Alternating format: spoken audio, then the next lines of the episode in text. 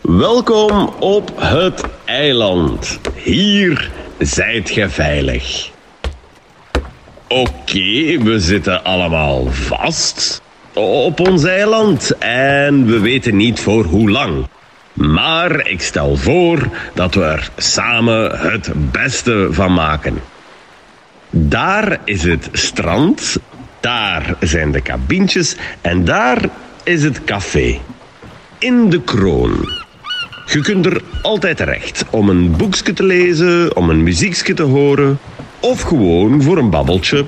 Als je verveelt, als je je alleen voelt, als je een beetje bang bent. Want dat mag, hè. No man is an island. John Donne. Ja, maar... En niet vergeten, het is een nieuwe wereld. Alles is onbekend, je moet alles nog ontdekken. Maar neem uw tijd. Doe uw verhaal. De mensen luisteren.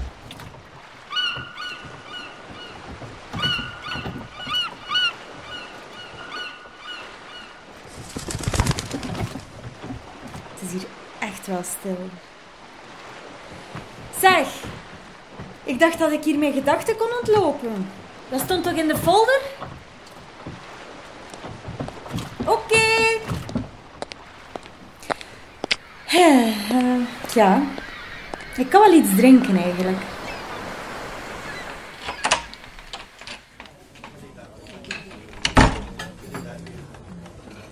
Ja, ik zie dat de laatste persoon is binnengekomen. Welkom. Vanaf nu start de opname, dus ik ga jullie moeten vragen om allemaal stil te blijven. Oké, dan kunnen we starten. Welkom allemaal in deze eerste live radioshow in Café de Kroon. En we hopen vandaag jullie even te verstrooien en dat zeker door de keuzes van onze gasten. Onze praatgast vandaag, dat is uitgever Sam de Graven. En die koos dus twee quarantaineplaten voor ons uit. Zijn twee ultieme platen. En die eerste die was dus The Idiot van Iggy Pop. Dat we vandaag eigenlijk allemaal ook een beetje idioot zijn. We denken de natuur overmeesterd te hebben, maar op cruciale momenten in de geschiedenis toont de natuur dat die toch weer sterker is. Dat biedt eigenlijk troost. En er zijn wel meer manieren waarop deze plaat troost biedt. Het is een plaat uit einde jaren 70 uh, en uh, ze kenmerkt zich door een enorm monotone, altijd terugkerende beat.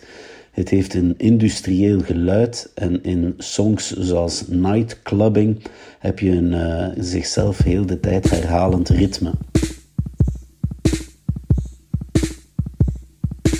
Het is een plaat die mij in deze donkere dagen de troost van de jeugd biedt, de herkenning, de troost van de herkenning en ook een soort van zekerheid. Je weet hoe de plaat begint, je weet hoe ze eindigt.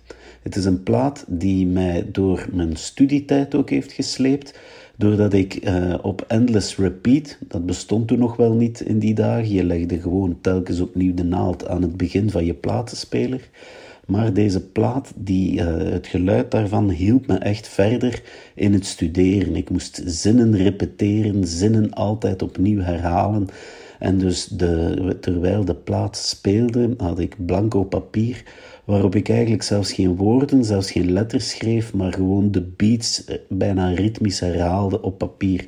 Dus je kreeg talloos veel papieren met eigenlijk alleen streepjes op. Maar het hielp wel, want ik heb me zo door de humaniora gesleept. Het is niet de enige plaat van Iggy Pop die ik goed vind, maar het is wel degene die ik het allerbeste vind. Het is een, een unieke samenwerking die hij had met David Bowie. Uh, als producer, dus David Bowie in een dienende rol eigenlijk. David Bowie was gek op uh, die vreemde Amerikaan James Osterberg. Hij heeft zowel in vorm als in inhoud de man naar een hoger niveau getild. het is de periode waarin Bowie zelf Heroes opnam met een heel soortgelijke vormgeving. Uh, ze zaten samen in Berlijn, ze hadden een Berlijnse periode.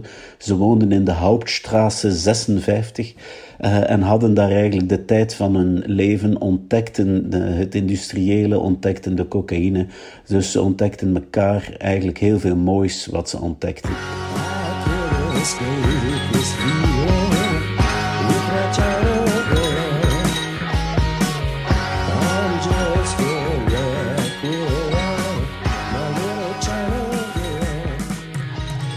Ik heb de plaat ontdekt in, uh, ik vermoed, 1982, 1983.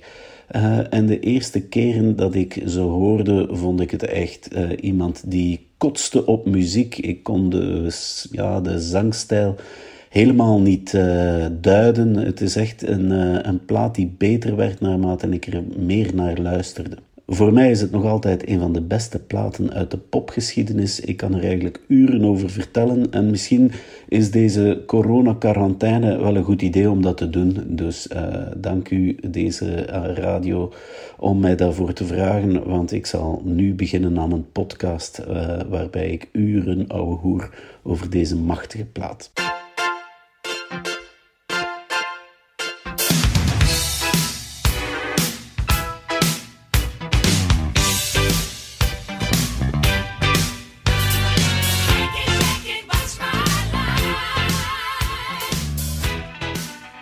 Als tweede plaat voor een iets vrolijke plaat. Deze plaat is van David Bowie. Het is de wellicht bekendste plaat van David Bowie, Let's Dance. Het is een plaat die door vele Bowie-fans verguisd wordt. Uh, voor vele Bowie-fans had je een eerste periode, en dat was de periode van al wat vooraf ging.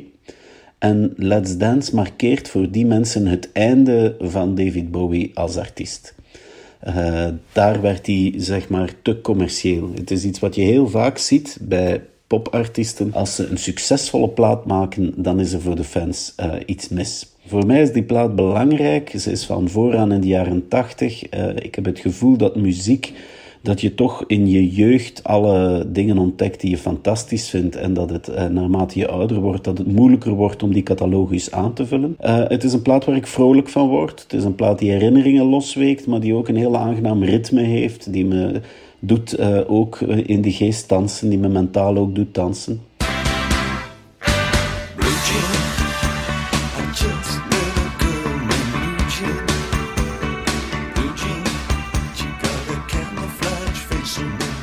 Deze hele coronaperiode uh, maakt zowel donkere als uh, lichte gevoelens in mij wakker. Het is een uh, periode waarin ik het fijn vind om op te hokken, om in het kot te blijven. het brengt je als familie dichter bij elkaar. Het zorgt ervoor dat je de verantwoordelijkheid hebt om op jacht te gaan voor de warme maaltijd. Het, ik merk dat wij als familie dat erg goed doen met elkaar.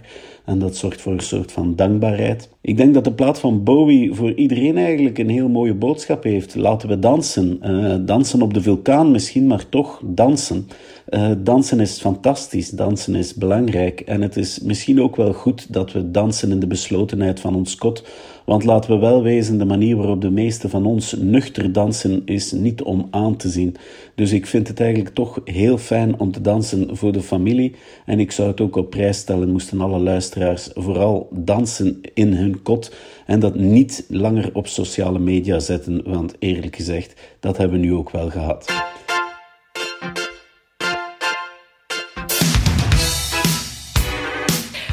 Okay, David Bowie dus, maar dat wordt hier wel iets te luid voor mij. Have fun!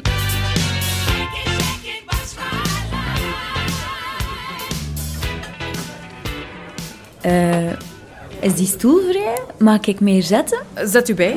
Ik vertel graag wat ik aan het lezen ben. Ik doe dat wel eens vaker. Ik ben eigenlijk bezig in een uh, heel dun boekje. Uh, het is slechts 76 pagina's.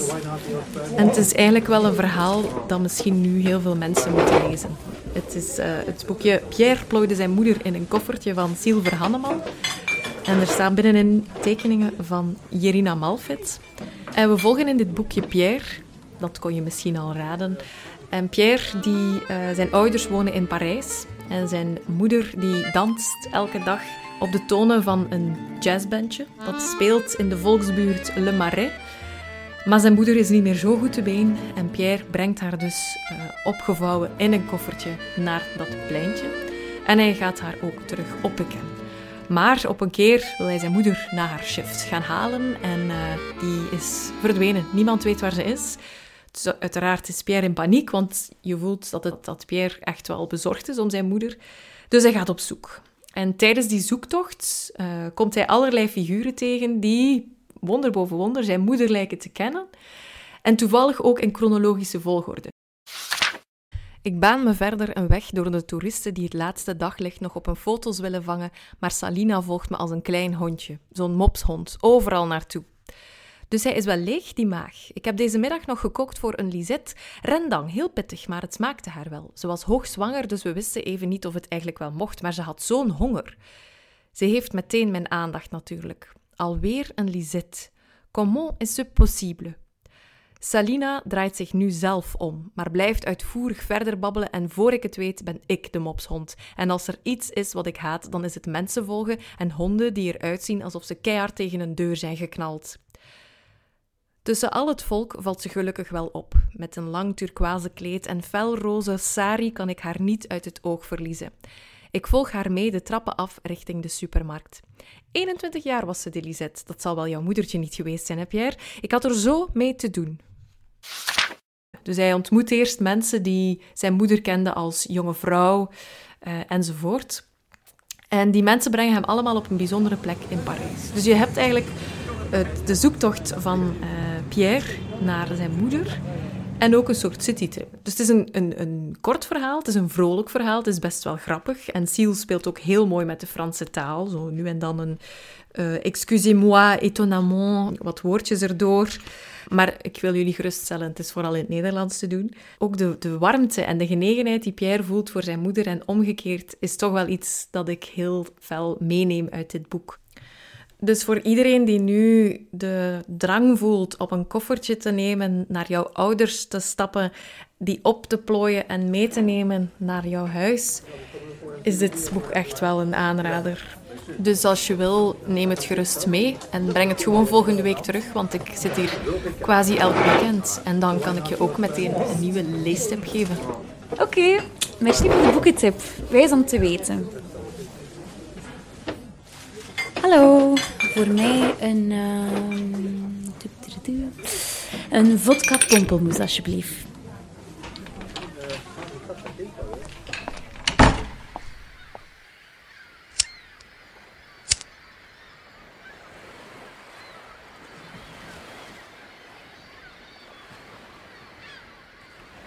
Slaapt hij? Ja. Hier zitten we dan. Dat is lang geleden dat we ja, zo praten. Eigenlijk al geleden van voor de lockdown. Het heeft misschien meer te maken met... Ons dan met de, ja, ons dan met de lockdown. Ja, dat denk ik ook. Misschien hebben we gewoon mm, al heel hard op automatische piloot geleefd. Dat is misschien wat overdreven, niet? Heb je dat gevoel? Het is gewoon, ja, Soms... een zwangerschap is ook niet bevorderlijk om veel gesprekken te voeren. Zeker niet op het einde. En dan een newborn baby zorgt er ook wel voor dat je gewoon wat zorgt voor je baby en minder met elkaar praat. Goed dat we dit doen. Hoe voelt je Behoorlijk moe. Hoe voelt jij je? Um, gisteren niet goed. Ik was echt, echt kotsbeu. Ja, zodat je niet naar buiten kunt. Ook. Maar vooral beu dat elke dag dezelfde is. Ik denk als we twee maanden geleden, als er iemand tegelijk wie had gezegd van dit is hoe dat uw maand uh, maart en april en misschien mei eruit gaan zien, ik dacht dat deze periode wel heel anders ging verlopen. Wel, het ding is dat ik me sowieso wel een beetje had voorgesteld in een kokon. Ehm, moeder worden en, en zijn. En dat dat ook wel een beetje gezegd was dat de eerste maand wel zeer op je eentje zijn en heel veel met je baby bezig zijn. Dus dat is niet echt anders. Maar ik had op zijn minst me toch voorgesteld om eens uitstapjes te doen of eens een koffie te kunnen gaan drinken of eens iemand over de vloer te hebben. Um, ik, ja, je wilt je baby ook echt graag wel tonen aan de wereld. Terwijl nu wil ik die echt gewoon zo dicht mogelijk bij mij houden en zo ver mogelijk van alles en iedereen, omdat ik die echt keihard wil beschermen. Maar nu begint het zo wel wat door te sijpelen dat de toekomst er helemaal anders uit gaat zien dat heel onzeker is. Ik denk dat ik u in het begin daar wel heb... Ik heb je daar een stuk van afgeschermd. Omdat ik wist dat je met het opstarten van die borstvoeding heel hard bezig waart daarmee. En, en niet, niet met het nieuws, niet met de actualiteit, eigenlijk met, met heel weinig. En ik was daar wel mee bezig en ik heb dat eigenlijk een tijd Gewoon misschien zelfs geminimaliseerd. Dat was misschien ook niet slecht. Ik denk als dat er nog bovenop moest komen, bovenop alles anders al nieuw was en alle zekerheden die al een beetje onder mijn voeten weg waren, was dat misschien ook wat veel geweest. Zijt je nog bang nu? Bang is een groot woord. Wel nerveus. Wat vind je dat je over jezelf hebt geleerd? Zowel sinds, ehm, sinds hij geboren is, als in de laatste drie weken van de quarantaine. Het meeste dat ik over mezelf heb geleerd heeft niks met de lockdown te maken. Dus dat is vooral dat ik milder moet zijn tegenover mezelf. Dat ik niet kan verwachten dat ik mijn baby al ken na twee weken, drie weken, zes weken. Wat heb jij over jezelf geleerd? Daar ben ik nu benieuwd naar. Het zijn veel indrukken. Ik voel mij ouder en je voelt ook wel dat er zo'n soort point of no return is. Als je zelf zo uh, vanuit de derde persoon ziet wandelen met je, met je draagdoek of met je buggy of zo, of met je kinderwagen, dan, en je zou jezelf zien lopen, dan beseft je plotseling wel dat je helemaal niet meer de persoon bent die je daarvoor waart. In, in, qua jeugdigheid, qua zorgeloosheid, qua, qua verantwoordelijkheid. En plotseling, ik denk dat andere mensen nu ook plotseling in een andere rol zien. En dat dat wel wennen is. En ik denk niet dat het zo is dat je een volledig nieuwe rol aanneemt, maar dat het eerder een bijkomende rol is. Ehm, en op zich vind ik dat wel fijn om te merken dat ik mijn oude rollen, dat ik niet gestopt ben met die, met die persoon te zijn. We zijn, nu, we zijn nu een gezin, wat we daarvoor nooit waren. We waren daarvoor een, een koppel. Dat is en, en nu zijn we een gezin. Ehm, maar nu zijn we ook alleen nog maar een gezin. Dat, dat is niet erg, maar nu zijn we week 6 van een gezin te zijn en week 3 of 4 van de lockdown. En um, ik ben je nog niet beu gezien. um, Soms wel. Nee, um, maar te, vooral het. nee, ik ben nog heel graag bij u, eigenlijk elke dag. En dat voelt ook niet als een sleur. Maar dat is ook omdat we wel gewend zijn om heel veel tijd ja, met elkaar door te brengen. Maar ik mis wel het contact met, met andere mensen erbij. Wat, wat mis je nu in, uw, in, in onze relatie? Seks. ja. Ik ook wel. Ja. Als ik dan eigenlijk alles wat hier buiten gebeurt negeer en gewoon mijn focus op het feit dat ik net papa ben, dat, dat deze kleine beer hier is en, en dat we eigenlijk een nieuw gezinnetje zijn, dat geeft mij onvoorstelbaar veel tijd om met jullie door te brengen. En dat, dat maakt me eigenlijk veel blijer dan dat ik ongerust ben over hetgeen wat er buiten gebeurt. Waar zou je nu het liefst willen zijn als er geen lockdown was? Gewoon bij u. Dan hebben we het eigenlijk nog niet zo slecht getroffen.